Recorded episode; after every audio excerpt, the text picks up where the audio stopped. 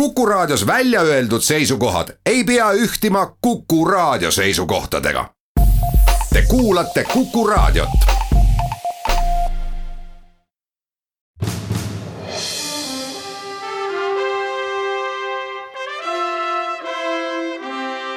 vahetund Postimehega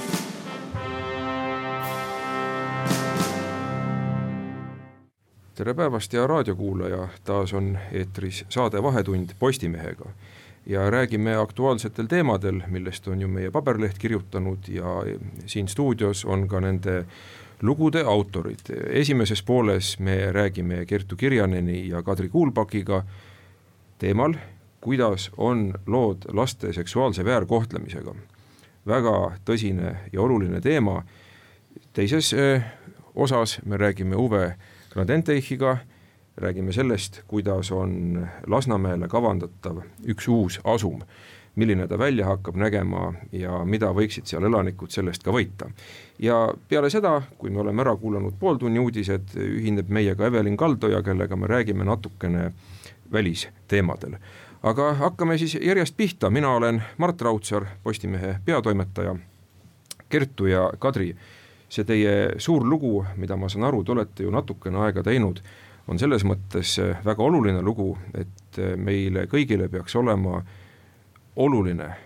südamelähedane see, et lastega ei juhtuks midagi halba. ei ole midagi hullemat kui see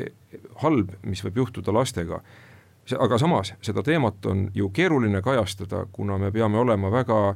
tundlikud laste teema suhtes ja mitte näitama nende nägusid, mitte rääkima neist detailselt. kuidas te selle looga siis ikkagi nii hakkama saite, et äh, räägite siin lugusid, tõsi, neid lugusid räägivad siin lastekaitsegrupi inimesed, me kujutame vaimusilmas ette, mis nende lastega võis juhtuda. ja samal ajal on meil see probleemi ulatus siin täiesti olemas jah, eks need spetsialistid äh, valisid ise ka hästi, et missuguseid lugusid nad äh, saaksid äh, rääkida, kus inimesed ei oleks kuigi hästi äratuntavad või pigem mitte üldse äratuntavad ja millest on siis juba mõnda aega möödas, sest noh, kõige hullem on ju muidugi see, kui keegi tõesti tunneb enda loo ära ja ta elab seda traumat veel kord üle, nii et seda me kindlasti arvestasime seda lugu tehes jah äh,, minu arust on ka hästi oluline see, et äh, inimesed ja nende identiteet jääks ikkagi nagu peitu selliste lugude puhul. et äh, täna lugesin äh, põgusalt äh, selle loo kommentaare ja seal juba oldi nagu pahased, et äh, miks ei nimetata nimedega inimesi. lapsi siis? ja lapsi, neid, äh, kes kuritegusid toime panevad, aga ma leian, et see on hästi oluline, et, äh, et need nimed ikkagi ei oleks avalikult. ma olen sellega täiesti nõus aga nüüd toimetuses, kui me vaatasime seda lugu, mis pälvis ka igati heakskiitu siin, tekkis üks küsimus, kui me vaatame seda graafikut, kus me näeme siis seksuaalkuritegude diagramme aastast kaks tuhat kümme kuni kaks tuhat kaheksateist, raadiokuulajale peame seda selgitama, et on näha siin tõusu, alguses on neid kuritegusid, registreeritud kuritegusid vähem, aastal kaks tuhat kümme, kaks tuhat kaheksateist on, ma ütleksin, peaaegu et poole võrra rohkem ja küsimus tekib, et kas neid siis ongi rohkem või neid lihtsalt avastatakse rohkem? no nii palju, kui mina rääkisin politseiga sellest statistikast, siis äh, lihtsalt äh, neid äh, avaldusi tulebki rohkem, sest inimesed on hakanud julgema rohkem rääkima nendest asjadest ja siin on ka ajakirjandusel hästi oluline roll selles mõttes, et alati, kui nendel teemadel kirjutatakse, siis ohvriabi telefon on punane ja nendest asjadest antakse rohkem teada mm. -hmm aga seda lugu lugedes ma nägin siin ühte vahejuhtumit, kus siis äh, ei kumbki vanem ega ka ükski sugulane ilmselt siis ei öelnud, et äh, selle lapsega toimub äh, väärkohtlemine. kuidas see lugu ilmsiks tuli, kas laps ise ka mõnikord pöördub abi saamiseks? jah,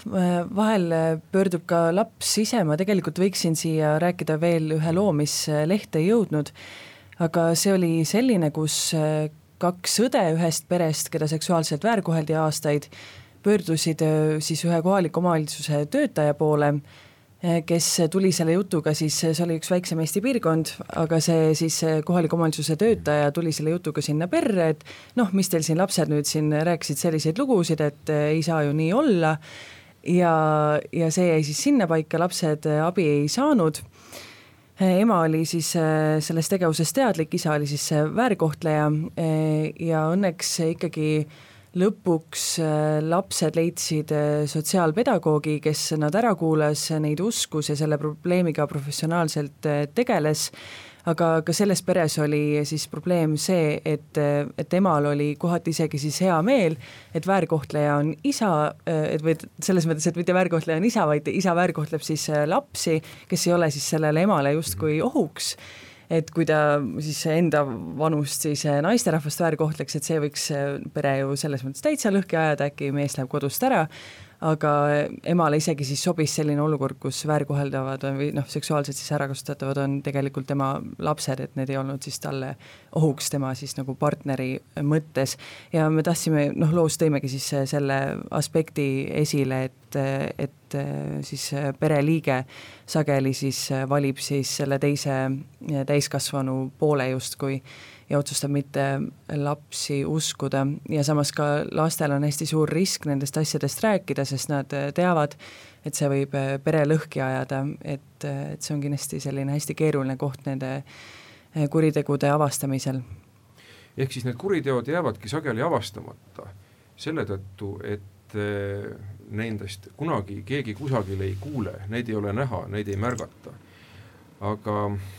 mida meie kõik saaksime teha, kas, kas võib olla nii, et nagu mulle meeldib öelda, kui me näeme kusagil nutvat last, siis me ei tohiks mitte mööda minna, vaid peaksime tema juurde minema ja küsima, mis sul häda on? No esiteks seda, aga noh, nagu siin äh, lastemaja juht ütles ka, et äh, et tuleb märgata neid muutusi laste käitumises, et kui laps on muutnud, muutunud äh, nukraks või, äh, või noh, siin ta on ka välja toonud, et äh, kui sporditulemused nagu paranevad, et see võib olla tegelikult hoopis ohumärk, et laps selle viha paneb hoopis trenni ja siis selle tõttu need tulemused paranevad, et siukseid asju tuleb lihtsalt märgata, ma arvan. Ja siin on ka see küsimus, et väiksed lapsed nagu neid spetsialistid loos välja tõid, nemad võivad kelkida ja sellest tegevusest kõva häälega rääkida oma eakaaslastele, aga natuke vanemad lapsed, noh näiteks ka noortel on väga palju vaimse tervise häireid või depressiooni, et see võib olla noh, väga paljudest asjadest tingitud ja seal on juba siis näiteks koolis õpetajatel palju raskem jälile jõuda, et see põhjus võib siis olla hoopis seksuaalne ärakasutamine, sest tõesti depressiooni võib ju põhjustada mustmiljon asja. Mm. -hmm et see ongi selles mõttes äh, hästi keeruline. jaa, e, aga üks soovitus siiski inimestele veel, kui te julgete anda mingisugust soovitust võib-olla soovituste tegemine peaks jääma rohkem spetsialistidele. kas nemad andsid aga... mingeid soovitusi teile, kuidas seda no, märgata, kuidas seda hoida ära? No mulle öeldi niimoodi, mina küsisin ka, et, et kuidas siis ikkagi ära tunda seda last, keda seksuaalselt väärkoheldakse ja selle peale see lastemaja juht hakkas naerma ja ütles, et kui oleks kindlad sellised märgid, siis meil ei oleks seksuaalselt äh, väärkoheldud lapsi ka, et see ongi hästi selline, lapsed reageerivad hästi erinevalt sellele, hästi raske on ära tunda ja soovitusi ongi selles mõttes raske anda. paraku mingit kuldvõtmekest ei ole, jah? no seda enam peame olema tähelepanelikud ja siin ongi nüüd selle tõdemusega mõistlik eh, lõpetada, minna väikesele pausile, Vahetund Postimehega läheb väikesele pausile, rääkisid Kertu Kirjanen ja Kadri Kuulpak laste seksuaalsest väärkohtlemisest, mina siin Postimehe peatoimetaja Mart Raudsaar.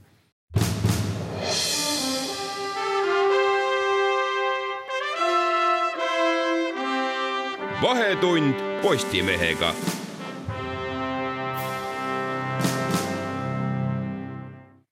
ja jätkub Vahetund Postimehega, eetris on uudistetoimetusest Uwe Gnadenteich ja mina, Postimehe peatoimetaja Mart Raudsaar. räägime nüüd sellisest huvitavast uudisest, millest Uwe, sa kirjutasid, et Lasnamäe taha kerkib uus asum ja ütleme kohe ära, kuhu ta tuleb, ta tuleb Laagna tee ja Peterburi tee vahele. aadress on tal Peterburi tee sada viis, kaldkriips Raadiku kümme ja ma saan aru, et on küllaltki, et see ei ole ju iseenesest ootamatu, et võib tekkida kuhugi terviklik asum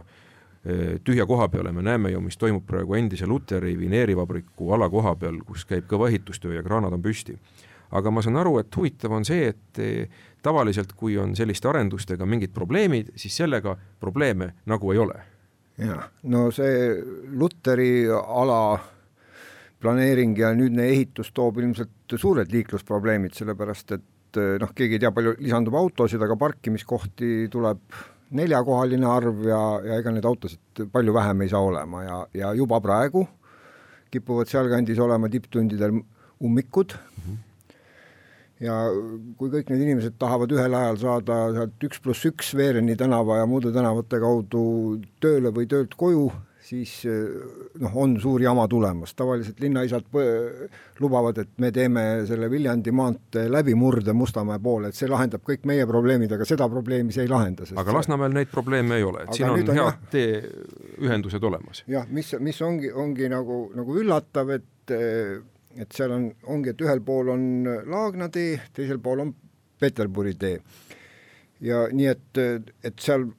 nagu abilinnapea Novikov väitis, et on ühistranspordiga väga hästi, ma ise ei ole omal nahal seda kontrollinud, aga võib uskuda, et kui seal on, on mõlemal pool busside lõpppeatused, siis noh, vähemasti saavad need inimesed mugavalt istuma, kui nad ühistranspordiga linna hakkavad sõitma. Ja siis üks asi, mille vist toimetaja leheloost maha tõmbas, oli,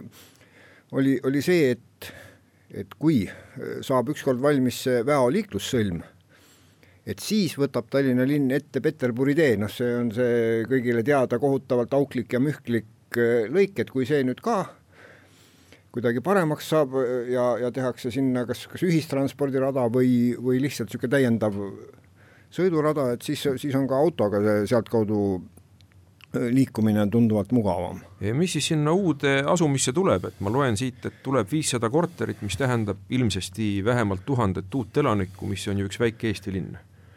No nii ta tuleb jah, ja, ja et noh, ta, see koht on hästi äratuntav, et seal on need oranži ja sinise valge kirjud äh, munitsipaalmajad. et noh, et tavaolukorras ilmselt hakkaksid äh, nende majade elanikud vaidlema ja protestima, et me ei taha enda kõrvale nii palju, aga noh, nagu pildilt näha, et seal on nende akna all on mingisugune tühermaa, kus seisavad mingid veokid, et noh, kui tehakse sinna nüüd nende majadest pisut madalamad elamud mm. ja sinna vahele palju rohelust ja, ja kõike muud seal pargid ja mänguväljakud, mis, mis on ka nendele kasutada ja mu-, muudavad noh, selle nende ja jõe vahele jääva ala kuidagi rohkem kasutatavaks, siis, siis on need inimesed ka ilmselt rahul ma saan aru, et tänapäevased arendused näevad ette ju lisaks majale, majadele, mida ehitatakse, ka muud, mis sinna juurde on vajalik, antud juhul näiteks äh, haljasala, tehakse suurem haljasala. mis sinna veel tuleb? haljasala parkla, siis eraldi veel uuriti järgi, et kas oleks vaja teha kooli või lasteaeda, küsiti seda Haridusameti käest, kes ütles, et nüüd päris sinna keskele ei ole vaja, et läheduses on on piisavalt neid asutusi. Ja mis puudutab kauplusi, siis üsna sinnasamasse lähedale tahab tulla Lidl. no kõik Lidli plaanid on äh, kohtus vaidlustatud aga nad on juba võitnud? Nad ühe, ühe on nad juba võitnud ja, ja noh, et päris niisugune asi ei sobi, kui inimene ütleb, et, et, et ma ei ole nõus selle Lidliga, sellepärast et selle krundi peal on praegu üks mõnus aiaga piiratud tasuline parkla, kus istub mingil kanajalgadel putkas üks valvur ja kuhu mina saan oma auto ööseks jätta. et, et nüüd Lidl ostis selle ära ja pani parkla kinni, et et meie oleme selle vastu, et paraku see ei sobi, et igaühel on õigus teha pood sinna, kus ruumi on. no jaa, aga nagu me ju algul ka vihjasime, et eh, siin on läbimõeldud eh, arendusega tegemist, et seal saab olema tuhat seitsekümmend kaks uut parkimiskohta, nii et ka need, kes seal enne. Lidli tulevases asukohas parkisid, ilmselt kui tegemist pole just suurte veoautodega, saavad seal parkida? no ilmselt saavad ja siin noh, minul tekib jälle küsimus, et äh, nüüd ma kujutan ette, et linnavalitsus siis ühe, ühe haamrilöögiga ütleb, et nii, nüüd me teeme selle lubame rajada selle uue asumi, kuhu tuleb siis tuhat seitsekümmend kaks parkimiskohta ja siis järgmine punkt võiks olla näiteks, et, et esitame nüüd jälle taotluse, et Tallinn saaks Euroopa roheliseks pealinnaks, et kõmm jälle järgmine haamrilöök, et, et need asjad omavahel hästi ei haaku. no pargi nad ju teevad sinna. jaa, no aga see noh, see, see on üks asi, aga, aga ikkagi et antakse inimesele selge indikatsioon, et, et noh, kui sa nüüd ei viitsi bussiga sõita, et siis siis võta, võta üks vana ja odav autoromu, et saad seda tasuta parkida siin kodu juures ja, ja küll sa kesklinnas ka kuskile mõne sõbra hoovi ära sokutad selle. kui me selle teema lõpetuseks vaatame nüüd Tallinnat tervikuna, siis mis sa arvad, kas ja kui palju on võimalik linna veel tihendada, kuna kahtlemata on ju tühje kohti, kuhu saaks ehitada, aga mingil hetkel ilmselt ei ole see ka enam mõistlik, ei saa ju kõiki haljasalasid ilmselgelt ju täis ehitada, kortermaju. Või ka tühermaid isegi alati, vaid vastupidi, sinna on vaja teha haljasalasid no nüüd on äh, teoks saanud üks äh, mõistlik tihendamine, see on just seesama Lutteri vabriku ala. et ütleme, et, et niisugust, äh, nii suurt krunti niimoodi list-, lihtsalt lasta söötis seista, kus ta isegi parklaks ei, ei kõlvanud, et see oli nüüd natukene kurjast ja see on ikkagi päris kesklinna lähedal, pääseb südalinna ilma autota Mm -hmm. et see on nüüd see üks näide sellest mõistlikust tihendamisest. teine asi on veel, mis praegu seisab niisama, on endine Tallinna vangla, et millel on isegi mingisugused planeeringud olemas, aga Riigi Kinnisvara vahepeal ta hakkas seda müüma, siis, siis jättis jälle, jälle seisma, et see oleks, oleks teine selline koht aga kui sa nüüd lubad, siis on noh, ka selliseid ebameeldivaid tihendamise näiteid, et sealsamas teisel pool Pärnu maanteed on näiteks Luha kolmkümmend kolm, kus on nüüd ühe kahe tänava nurgal asuva lasteaia. Ühte nurka on jäänud üks pisikene kolmnurkne krunt, kus praegu on selline noh, hooldamata haljasala, et paar puud ja muru ja nüüd noh, tingimata on sinna vaja ehitada üks kaheteistkümne korteriga elamu no jaa, võib-olla me läheme siin liiga spetsiifiliseks Eesti kuulaja jaoks, aga lõpetuseks siin ühe teemaga ma tuleksin siiski veel sisse, et kõik ka mujalt Eestist tulnud on ju suuremal või vähemal määral Tallinna ühistranspordi kasutajad ja kui planeeriti Lasnamäge, kuhu seesama uus asum tuleb, planeeriti sinna ju ka kiirtrammitee. ehk siis Laagna kanal, mis on üks väga oluline ühendus, Lasnamäe ühendus kesklinnaga on nii tehtud, et seal keskel on tühi ruum et äh, ilmselt me seda kõike jälgime, aga oled sina midagi kuulnud äh,, siin on ju olnud linnavalitsusel, sa oled jälginud, ma saan aru, detailplaneeringuid, et äh, kas nendes planeeringutes ikkagi arvestatakse sellega, et ühel hetkel sinna mingisugune trammiliin tuleb? see on nüüd nagu kahtlane, sellepärast et et selle, esiteks tuleb, tuleks sellele trammile inimesi nii-öelda ette vedada, sest Lasnamäe on piisavalt suur, et, et keegi sinna jalgsi kõndima ei hakkaks, aga kui need bussid juba sinna kanali juurde sõidavad, siis võivad nad sama hästi sõita mööda seda kanalit ka kesklinna mm. -hmm. et selles suhtes asjal mõtet ei ole, et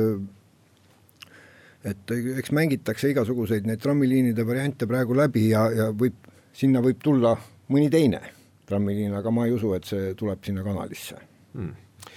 nüüd äh, aitäh, Uwe, sulle nende selgituste eest, Vahetund Postimehega läheb nüüd äh, väikesele pausile, järgnevad pooltunni uudised, mina olin Mart Raudsaar, Postimehe peatoimetaja.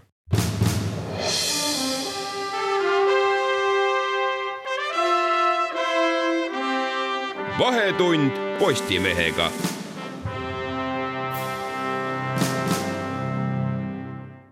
vahetund Postimehega jätkab ja siin on väikene meeskonna või siis võiks öelda ka naiskonna vahetus toimunud.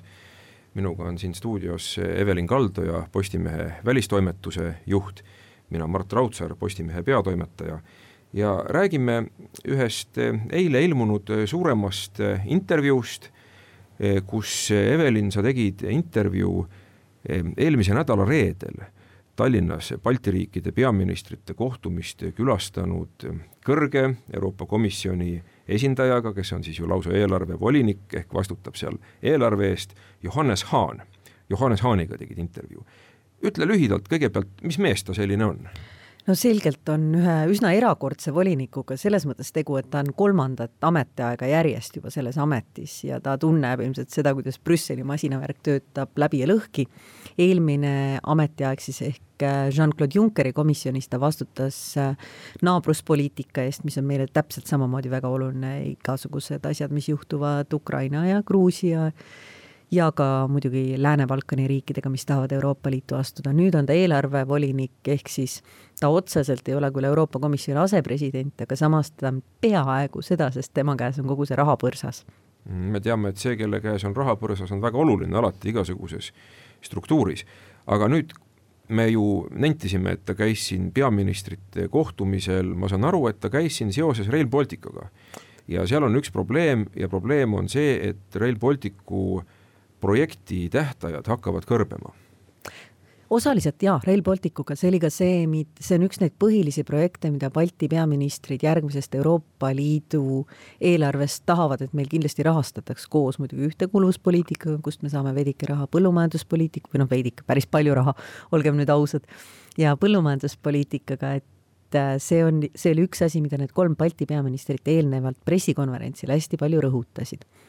ja nemad äh, väljendasid siis oma meelekindlust ja soovi Euroopa Liidult sellest raha saada. Johannes Haan, selline väga armsa ja meeldiva olekuga, kui niimoodi võib öelda sellise kõrge Brüsseli esindaja kohta, armsa ja meeldiva olekuga austerlane ütles tegelikult läbi lillede naeratades, et võtke ennast kokku ja tehke oma juhtimisstruktuur korda selles Rail Balticu projektis. ehk muidu raha ei saa jah, täpselt, no kui on segadus, kui te ise ei saa aru, kust, kuhu te liigute ja mis teil täpselt toimub, siis Euroopa Liit ei saa teid aidata, aga ta muidugi sinna juurde väljendas siis sellise sama naeratusega, et no ma loodan, et Baltimaad on ju alati näidanud, et nad saavad hakkama, et näidake nüüd uuesti seda, et ma tean, et Euroopa Liidust on ka näiteid samasuguste raudteeühendustega, kus ongi rahast ilma jäädud, sellepärast et ei ole suudetud Näiteks. asju juhtida. Sloveenias. Mitu korda isegi Sloveeni, mitu korda? jaa, sloveenid on mitu korda ilma jäänud ja minu meelest ühe sloveenide ehitamata jäänud raudteejupi raha põhimõtteliselt nagu tuli meile? jah, jah, tänu sellele, et sloveenid osutusid haldussuutmatuteks ja nad ei ole muidu üldiselt selline kaootiline rahvas. tead, mis, ei nad ei ole kaootiline rahvas, aga kas sa tead, mis seal juhtus, kas äh, põhjus võis olla ka nii, nagu meil on vaidlustes, kust see trass peaks minema või oli see puhtalt haldussuutmatuse küsimus? see vist oli haldussuutmatuse küsimus, see on äh, täpselt, äh, kuigi sloveenid on tegelikult üks sealkandis, ma ütleks, minemata etnili-, või noh, olgem ausad nüüd, minnes pisut etnilistesse stereotüüpidesse, nad jätavad ühe sellise paremini korraldatud süsteemi mulje, et nad on ka igasugustes demokraatia ja korruptsiooniindeksites parematel kohtadel kui paljud teised aga nad ikkagi ei suutnud seda kuidagi õigel ajal õigeid asju ära teha ja raharong liikus minema, et jäädi vaidlema. meil, ma saan aru, et praegu on probleemiks äh, ennekõike vähemalt siinsed inimesed vaikselt vihjavad, et need on meie leedulased, kes mm -hmm. ei tee asju päris korralikult mis on väga huvitav selles mõttes, et leedulased on ju saanud, mida nad tahtsid, pean silmas seda, et äh, sellesse raudteeprojekti lülitati ühendus Vilniusega, mis ju algselt ei pidanud seal olema kui siit vaadata, siis tundubki, et Eesti, noh, Eesti poolelt vaadates mulle mitu korda tundunud, meie oleme kõige hullemad, et meil on need olemas need raudteevastased, kes ei ütle küll võib-olla, et ühel ja teisel pool raudteed jääb lehmadel piim kinni, aga noh, peaaegu niisugused kergelt niisugused üheksateistkümnenda sajandi argumendid lendavad aeg-ajalt. Tahtmata siin üldse keskkonna, keskkonnaga peab tegelema, keskkonna eest peab hoolitsema, aga siiski mingil määral mõne tee ja mõne raudtee peab ka saama ehitada sinna vahele, et et meil on sellist nagu avalikku protesti ja vaidlust rohkem olnud aga samal ajal on käinud, see töö on tehtud korralikult ära mm, -hmm. mis on ettevalmistused äh, nende kohta, ma olin esimest korda, ma olin üllatunud, kui seda Läti saadik ütles, et teate, et te olete kõige tublimad. Eesti siis? Läti suur, Läti suursaadik Eestis ja. ütles, et te olete kõige tublimad ja siis ma mõtlesin ka, et kõik see jagelemine ja protestimine ja mis meil käib, et me oleme me oleme kuskil taga, aga tegelikult jah, leedulased mingit pidi nad said mingid asjad, mida nad tahtsid paremini ma ei tea, kas, ma olen selles valgus mõelnud, et kas, kui meie oleks küsinud Tartusse raudteejuppi, et tuua inimesi ette sinna, et kas see tegelikult oleks võinud palju muresid ära lahendada, sest et mulle tundub, et ikkagi arvestatav osa Eesti Rail Balticu vastastest on Tartu inimesed, kes on harjunud, et rong Riiga peab sõitma läbi Tartu. ja nende jaoks on see emotsionaalselt väga raske ja kui sa mõtled, mida see Tartule majanduslikult tähendab, siis Tartust lõunasse jääb meil ju Elva, mis tekkis ju tänu sellele. Elva minu, minu, minu arusaama no, minu koduline. no no vot, tekkis ju tänu sellele, et raudtee sinna väga ameerikalik lugu, kuidas tuli raudtee ja siis tulid inimesed koos rongidega. no vot, aga noh, et ma saan ka Tartu murest selles mõttes aru, et kui rong ei käi, kui oluline rongiliin ei puuduta Tartut, siis eh, eks neil ongi põhjust ennast natuke ähvardatuna no, tunda. see nüüd on ilmselt ühe teise saate teema, aga selle ma markeerin küll ära, et minu meelest on Tartul väga suur oht praegu provintsistuda, sest ja. kui see Rail Baltic valmis saab ja ta hakkab liikuma kiiresti Tallinnast läbi Rapla, Pärnu, ma kahtlustan, et Tartu Ülikool peab hakkama mõtlema Pärnusse kolimise peale, nii nagu kunagi õndsatel Rootsi aegadel, kus olid küll teised põhjused. aga see selleks, et eh, mida siis eh, kõrge eurovolinik Johannes Haan soovitas konkreetselt, ma saan aru, et ta soovitas juhtimisstruktuuri parandada meil siin, projekti väga, paremini ellu viia. no eks ta ilmselt ei taha ka väga, kuna tema ei ole otseselt transpordivolinik, et eh, transpordi ja energia teemadeta detaili ei taha väga minna aga ta tõi ikkagi selgelt ja ta ei taha ka meie eest meie projekti juhtima hakata, et me küll ütleme, et Brüssel tuleb ja sekkub igale poole mm, -hmm. aga tegelikult äh, ei ole see nii? Brüssel ei taha mikromanageerida meie projekte, et sellepärast ka nagu paljudel mõnedel Balkani riikidel jäävad nende, nende euro, Euroopa Liidu fondidest tulevad summad korralikult kasutamata, kuna Brüssel nende eest seda raha ei korralda ja nad ise ei suuda neid fonde ära kasutada lihtsalt, et ta ikkagi ütles lihtsalt äh, niimoodi läbi lillede, aga selgelt, et kui ei tule süsteemi, kui asjad ei saa tehtud, siis ärge rahaga oodake. palju meil aega veel on? enne kui see rahalaev siis laseb signaali ja lahkub horisondi taha? no eks praegu käivad ka eelarvekõnelused ju järgmise seitsme aasta eelarve osas äh, ja peab olema selgelt ära näidata, kuidas me saame selle raudtee aastaks kaks tuhat kakskümmend kuus või tegelikult Johannes Haan mainis ka, et no kaks tuhat kakskümmend seitse oleks ka veel täiesti vastuvõetav variant, kuidas me saame selle asja teostatud. kui meil ei ole rahale rakendust, siis raha niimoodi, et me lihtsalt venitame ja ütleme, et me siin, me siin muudkui ehitame Rail Balticut ja midagi nagu otseselt konkreetselt valmis ei saa, siis Euroopa Liit ei taha lihtsalt nagu mingisugust niisama ehitustegevust toetada, et meil on ikkagi vaja, et nagu kui saab raha raudtee ehitamiseks, siis see ei ole mitte mingisugune sotsiaalprojekt või lihtsalt niisugune ühistegevus, et et vaid mm -hmm. te peate ikkagi midagi konkreetset valmis ka saama, te peate näitama, et te saate selle valmis ja et see on teostatav. raudteega on muidugi see häda, et poolt raudteed ei ole mõtet teha, vaid tuleb ikka kõik valmis jah, et kui see Läti piiri ääres ära lõpeks noh, võib-olla need, kes käivad seal äh, positiivsuse festival või mis meil seal Põhja-Läti, Eesti-Läti piiri lähedal on, et nendel võib-olla jah siis..., Salaskriva mis kant see on seal? jah, täpselt, Salats ja, eesti keeles. Salats, just nii. et äh, saame, et Salatsisse nagu kiirrongiga kihutamine, et siis tõesti on õigus nendel, kes ütlevad, et Rail Baltic majanduslikult ennast ära ei tasu, et et äh, jah ootame, ootame arenguid, kindlasti jälgime, mis siis meie juhtimisstruktuuriga siin selles ühisettevõttes tehakse ja kas õnnestub ikkagi ometi midagi kolmel Baltimaal koos ära teha või jääb lihtsalt retoorikaks see Balti ühtsuse küsimus. aga nüüd eh, Vahetund Postimehega läheb väikesele pausile, eh, stuudios oli Evelin Kaldoja, Postimehe välistoimetuse juht ja Mart Raudsaar, Postimehe peatoimetaja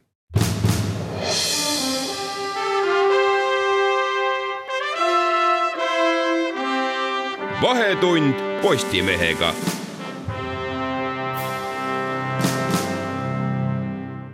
Ja Vahetund Postimehega läheb viimasele veerandile.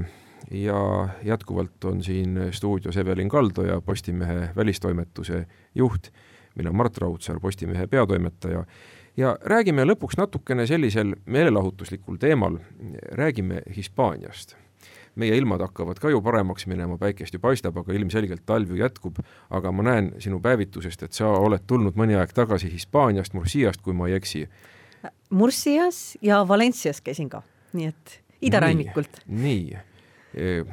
kuidas seal ilm oli? ma tean, et ilm on imelik mitte ainult siin, vaid ka seal jaa, globaalne soojenemine ilmselgelt annab tunda, sest eelmisel nädalal Valencias kakskümmend kuus kuni kakskümmend kaheksa kraadi sooja ei Mis ole, ei ole tegelikult, see ei ole ka Hispaania talvele tüüpiline. sealt enne, kaks nädalat tagasi oli neil ju orkaan Gloria, mida oli ka näha, sest inimesed rannas, olid rannakohvikud, mis olid nagu äh,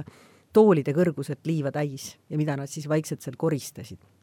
et neil olid lumehunnikud ja torm, siis neil on järsku kakskümmend kuus, kakskümmend kaheksa kraadi ja selles mõttes ongi, et kui meie räägime, räägime kliima soojenemisest, siis meie jaoks on selline noh, aga tegelikult ongi mõnusam, kui talvel nii palju lund lükkama ei pea ja nii edasi, aga nende jaoks on ikkagi see, et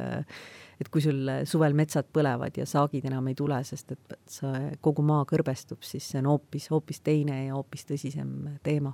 jah, tausta avamise mõttes pean ma ju ütlema seda kuulajatele, et mul endal on seal aastaid juba üks väike istandus Andaluusias ja olen Hispaania huviga olnud samamoodi siis aastaid, kuskil kuus või seitse aastat ja olen jälginud seda kohalikku elu suure huviga ja murega näinud ka neid ilmamuutusi, mis seal toimunud on, mis võib-olla on ajutised, aga võib-olla millegi suurema eh, eelmäng. aga räägime natuke ka sellest, mis toimub Hispaania poliitikas see ei ole üldsegi ka mitte tavaline, mis Hispaania poliitikas toimub, kuna ütleme raadiokuulajale meeldetuletuseks, Hispaanias demokraatia hakkas taastuma seitsmekümnendate lõpul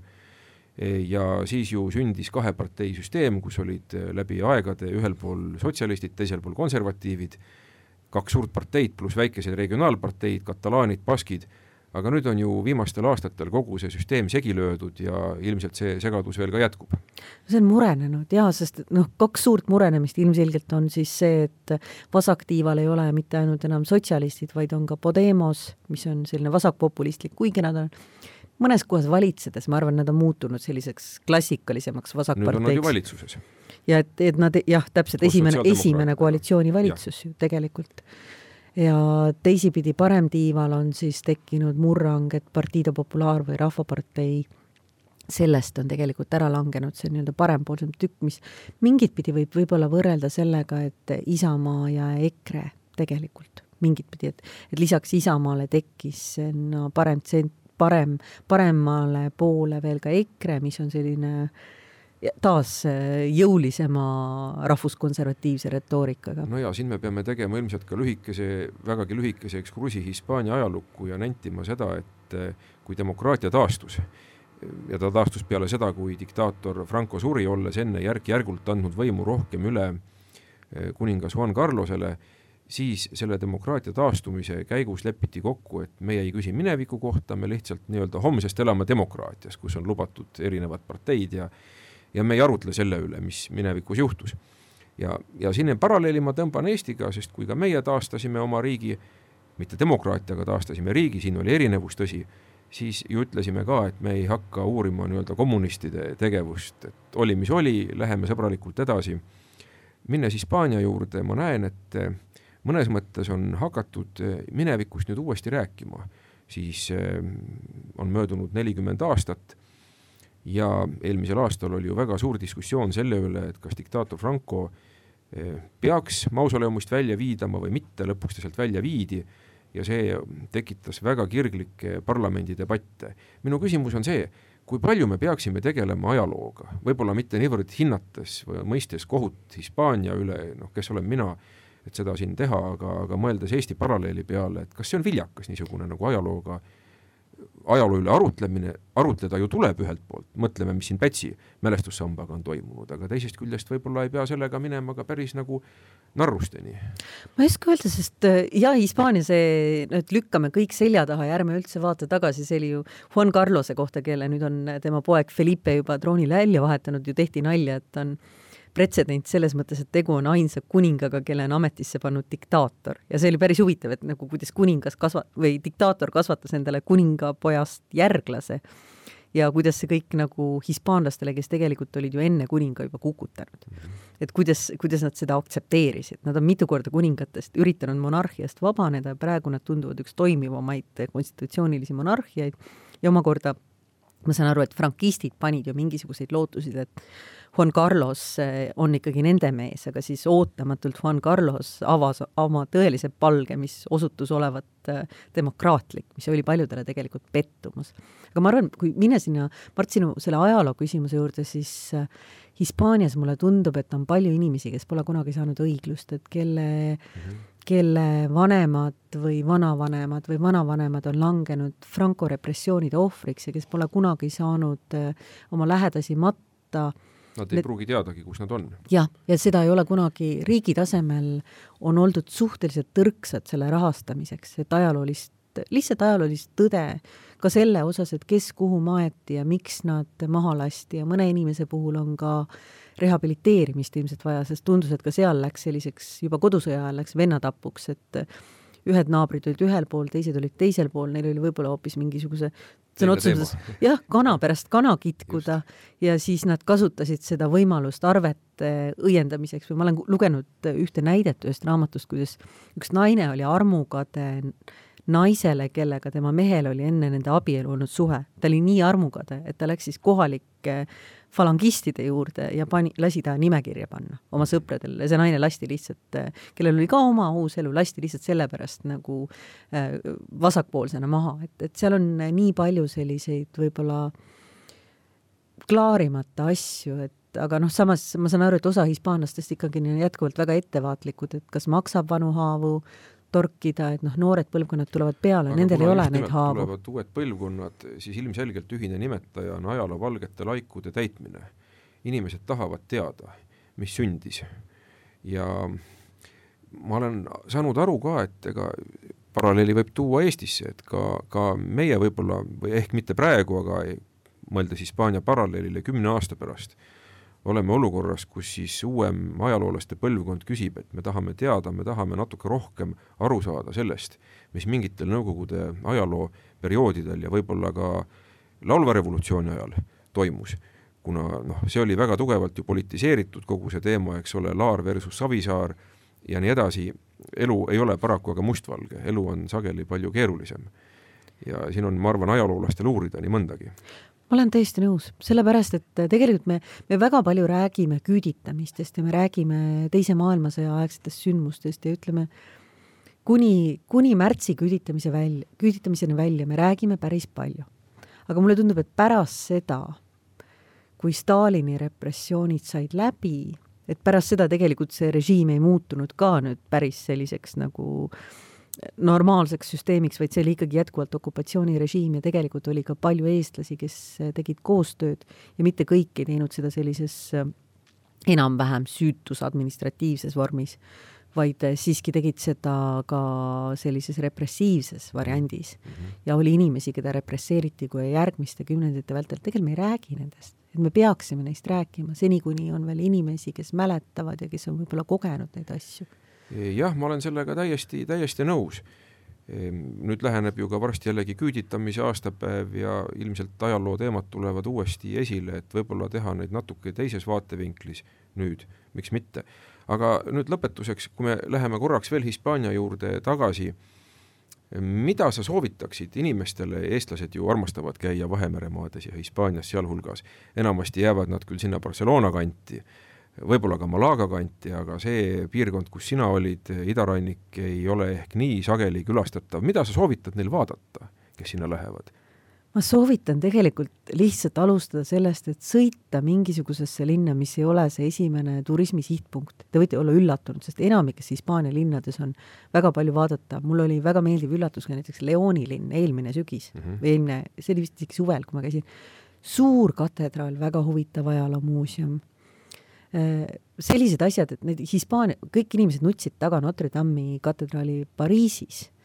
Aga et tegelikult sul on Hispaanias umbes igas teises sellises keskmise suurusega linnas samaväärne katedraal, kus on kõik väga hästi ingliskeelsete giididega ära seletatud. Palju,, palju-palju vaadata, kus ei, sa ei pea trügima. äh, Äh,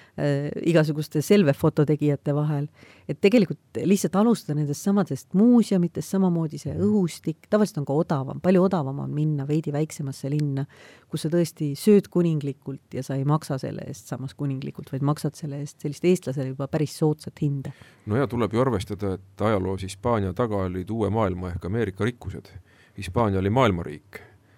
kuni ta langes vaesusesse, millest me täna pikemalt ei räägi siin keskajal, aga jah, vaadata on seal kahtlemata palju, väikelinnades loodus on hea, nii et aga, aga kohtasid sa seal ka eestlasi? seekord ei kohanud mitte ühtegi, ma arvan, et see on sellest näiteks seesama Murcia linn, kus ma käisin. sinna ma vaatasin, et linna läheb umbes kakskümmend viis lennuliini, nendest viis läheb Norrast. ehk siis norralased on selle linna avastanud ja muidu on see põhiliselt Hispaania siseliinid, nii et äh, ma arvan, et on väga kaval, ma arvan, et norralased on mingi tõe jälile saanud ja nad, et, et tasub minna, et seal ei ole Norra hinnad, vaid seal on odavamad hinnad, kui ma kusagil Hispaanias näinud olen. jätame selle meelde. sellega Vahetund Postimehega lõpetab, siin stuudios oli Evelin Kaldo ja Postimehe välistoimetuse juht, mina Mart Raudsaar, Postimehe peatoimetaja. kohtumiseni järgmisel nädalal, aga siis juba uued teemad, kõike head!